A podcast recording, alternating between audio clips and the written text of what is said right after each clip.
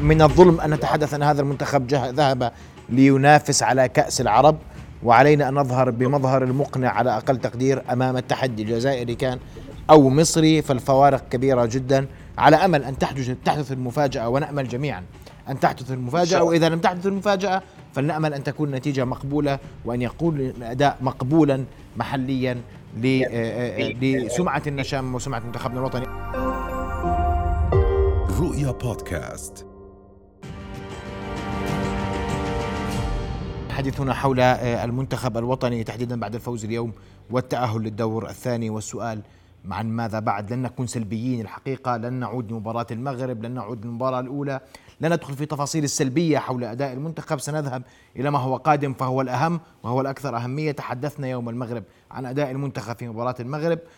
وهنا أرحب مباشرة بضيفي من الدوحة الأستاذ محمود الفضلي الصحفي في جريدة استاد. مساء الخير أستاذ محمود أهلا بك في نبض بلد. أهلا وسهلا صديقي متشرف بوجودي معكم. مساء الخير. أستاذ محمود أسألك بداية عن الأجواء بعد الفوز العريض إن صح التعبير بخمسة أهداف مقابل هدف رغم أن الأداء لم يكن مقنعا بشكل كبير. آه، أتفق تماما أن الأداء ربما لم يكن مقنعا لكن كان الأهم هو التاهل هذه المباريات تكسب ولا تلعب من وجهة نظري الشخصية لأنه أنت على أبواب تأهل. لا أعتقد أنه التقييم ربما يكون على الأداء لكن المحصله التهديفية كانت جيدة بصراحة دافع معنوي كبير. تعرف بأن المنتخب كان تحت ضغوط كبيرة جدا بصراحة عطفا على الظروف التي عانى منها غيابات إصابات دخل المباراة الأخيرة ب 14 لاعبا وأعتقد أن هذا كان يعني وضع غير طبيعي بالنسبة لأي فريق يعاني من ضغوطات. ناهيك عن انه الأداء كان سيء أمام المغرب.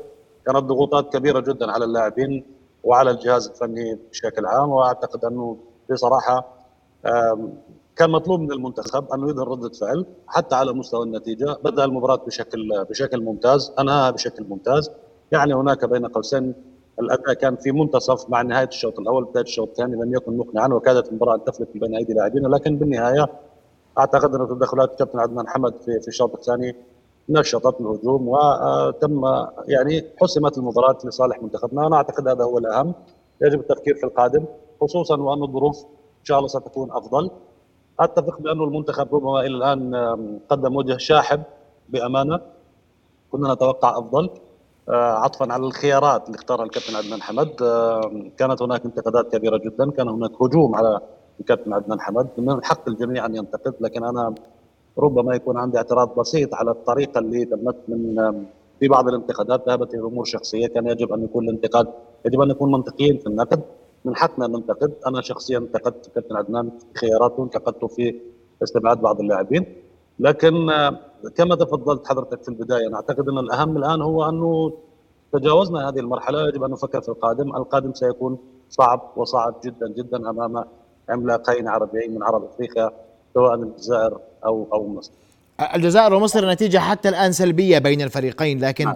ايا كان من واجهناه الجزائر ومصر هناك من يقول ما حظوظ منتخبنا في أن يؤدي مباراة قد لا يكون الفوز هو الهدف الأول فيها لكن يكون الأداء أداء مقنع أداء مرضي للجماهير الأردنية. رأيك؟ ضمن الخيارات المتاحة اليوم.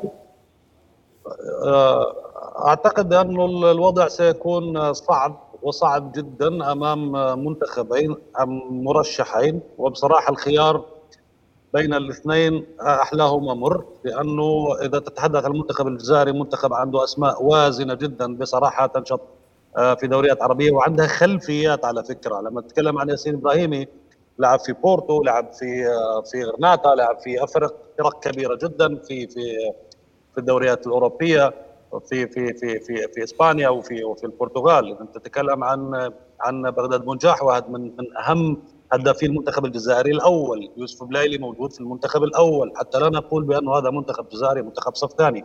المنتخب المصري عنده ست سبع لاعبين متواجدين في المنتخب الأول وكارلوس كيروش يجرب عناصر يريد أن يضيفها للمنتخب الأول. اذا المهمة صعبة وصعبة جدا. لكن الخيارات أعتقد خيارات منتخبنا ستتسع أكثر في القادم. انه هناك بعض اللاعبين سيعودون من الإصابة. ربما خلال يعني المباراة آه، يوم السبت. أنا أعتقد أنه ستكون هناك خيارات أوسع أمام كابتن عدنان حمد. يعني هناك علامة استفهام على على على على إصرار الكابتن عدنان حمد على اختيار بعض اللاعبين. وهنا هذه الأمور يمكن الأخذ فيها والرد مثلا على على على بعض الأسماء من خلال التقييم، أنا أعتقد أنه الآن يجب على الجهاز الفني أن يقيم أداء بعض العناصر اللي موجودة في الفريق. أستاذ محمود اليوم, اليوم البعض قال ان ان ان أن المدرب الوطني عدنان آه، حمد لديه أزمة اليوم أو وضعوا أداء شرارة أمام أزمة أزمة خيارات خاصة أنه استدعاء اخر في آخر اللحظات صحيح؟ صحيح صحيح. أنا شخصيا أنا شخصيا قلت وما زلت أقول بانه عدم وجود شرارة ليس فقط في قائمة المنتخب عدم وجود شرارة أساسي في المنتخب كان خطأ كبير. وهذا اليوم أنا لا إحنا لا نريد أن نقول بانه هذا أثبت آه، وجهة النظر. وربما الرجل كان يفكر في أنس العوضات وأنس العوضات تعرض للإصابة. لكن الإصابة بفيروس كورونا لكن الآن عندما تجد لاعب خيار آه، خيار ثاني واليوم يعطيك مستوى راقي وراقي جدا جدا. يعني لا تتخيل ردة الفعل اليوم أمام يعني عند الإعلاميين كلهم عندهم خبرات كبيرة. يعني يتساءلون عن انه هذا اللاعب لماذا لم يكن خيارا اساسيا في المباراة السابقة. لاعب قدم الإضافة قدم المتعه امتعني أنا شخصيا امتع كل كل الحاضرين كل كان كان كان بأمانة.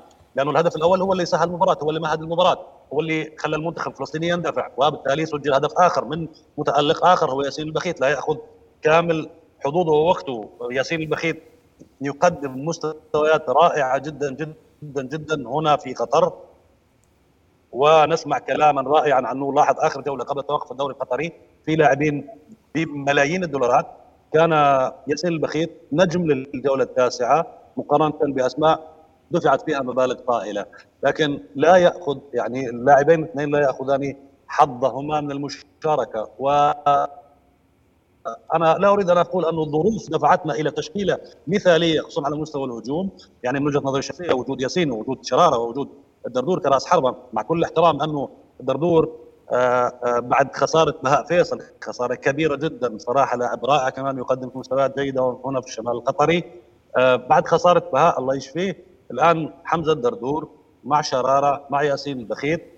هذا هو الخيار هم الخيار الأمثل على مستوى الناحية الهجومية لأنهم عندهم سرعات قادرين يعملوا ال counter attack لأنه هذا ما نحتاجه نحتاج ان نلعب على المرتدات لأنه لا يمكن لنا أن سواء مع مصر أو الجزائر أن نلعب لعب مفتوح لأنه لعب مفتوح ستكون بين قوسين كارثة لأنه هناك فوارق طيب هذه النتيجة تشير إلى تقدم الجزائر بهدف دون مقابل لمصر نعم وهذا يعني نعم أننا سنواجه الجزائر فإن ما واجهنا الجزائر هل نتوقع حصيلة كبيرة من أهداف الجزائريين؟ هل يمكن للمنتخب إذا لعب بطريقة دفاعية على هجمات مرتدة أن ينجز؟ آه، يعني ما هو غير متوقع اليوم؟ وهل ذهبنا إلى كأس العرب ليكون حالنا حالنا في هذه الطريقة؟ أننا يعني بالكاد نريد أن نحصل ورقة التأهل للدور الثاني.